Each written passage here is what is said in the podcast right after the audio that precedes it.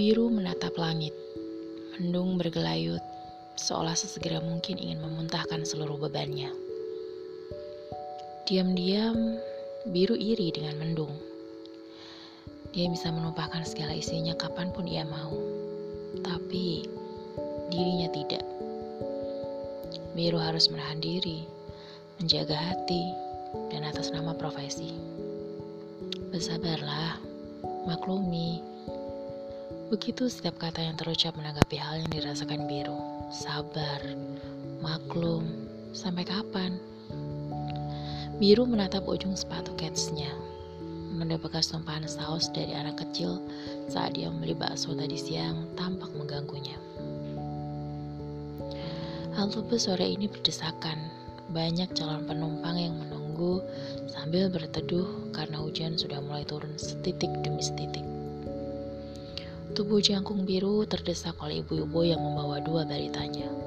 Biru terpaksa bergeser sedikit, namun tak disangka ia justru menabrak gadis muda yang ada di pinggirnya.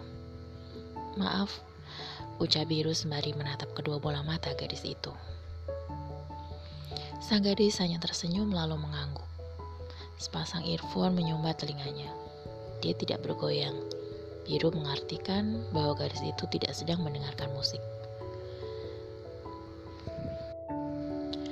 Biru kembali menatap ke arah jalanan yang kini sudah resmi tergenang air sana-sini.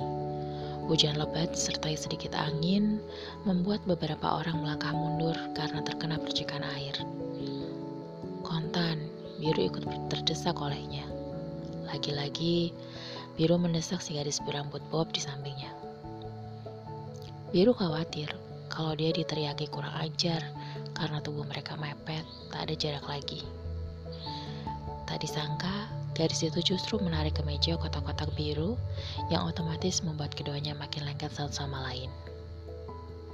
Kasihan ibu itu, kalau aku sih tak apa-apa. Biru mengerjap, tak percaya pada apa yang sudah dilakukan si gadis bermata hitam legam itu. Biru hanya mengangguk dan berusaha bersikap sewajarnya. Dada biru bergemuruh. Ada sensasi luar biasa yang ia rasakan karena berdekatan dengan si gadis yang bahkan tak ia ketahui namanya itu. Mau dengar lagu? Si gadis lalu melepas earphone yang ada di telinga kirinya dan tanpa sungkan memasangkan ke telinga kanan biru. Biru sedikit kaget. Bukan, tapi sangat kaget. Dia belum pernah bertemu dengan gadis berani ini. Lagu indah mengalun dari earphone. Lagu yang belum pernah ia dengar. Biru memang tidak punya banyak pengetahuan tentang musik. Jadi, dia tidak tahu lagu siapa ini. Biru mencuri pandang ke arah si gadis. Gadis itu tampak tersenyum menatap hujan deras di hadapannya. Tenang, santai, tanpa beban. Biru tak sadar ikut menyunggingkan senyum. Bus masih lama datangnya. Gadis itu menoleh. Hmm? Biru buru-buru meralat omongannya. Ah, aku harap busnya akan segera datang. Si gadis justru tertawa kecil. Aku bisa mendengarmu.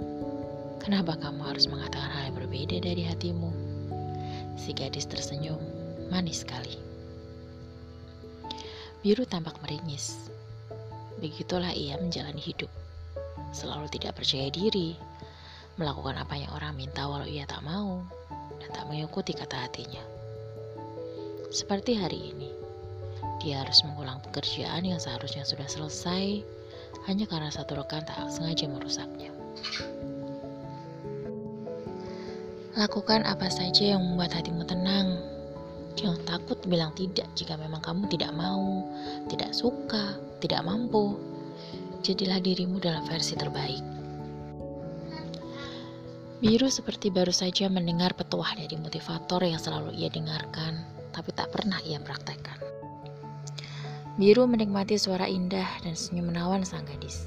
Tapi sial, bus yang mereka tunggu datang.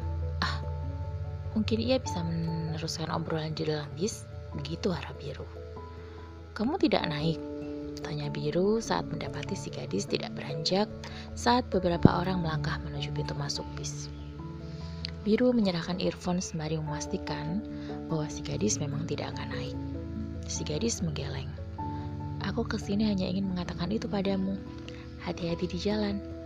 Gadis itu tersenyum lalu melangkah meninggalkan halte dengan riang. Dia memasang kembali earphone dan melambaikan tangan pada Biru. Biru mengerjap terpaku di tempatnya. Apa yang barusan terjadi? Mimpikah ia? Siapa gadis ceria itu? Woi, mau naik tidak? Teriak sopir bis yang membuat Biru tersentak. I, iya pak.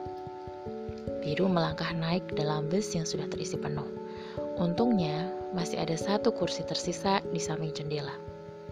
Buru-buru Biru duduk dan ingin melihat si gadis tadi walau hanya lewat jendela bis. Namun, Biru tak mendapati siapa pun di jalanan. Biru mengenyitkan dahi. Ke mana gadis itu? Kenapa aku tidak menanyakan namanya? Gumam biru sembari mengempaskan punggungnya pada sandaran kursi. Siapa gadis manis tadi? Apa besok dia akan datang lagi? thank you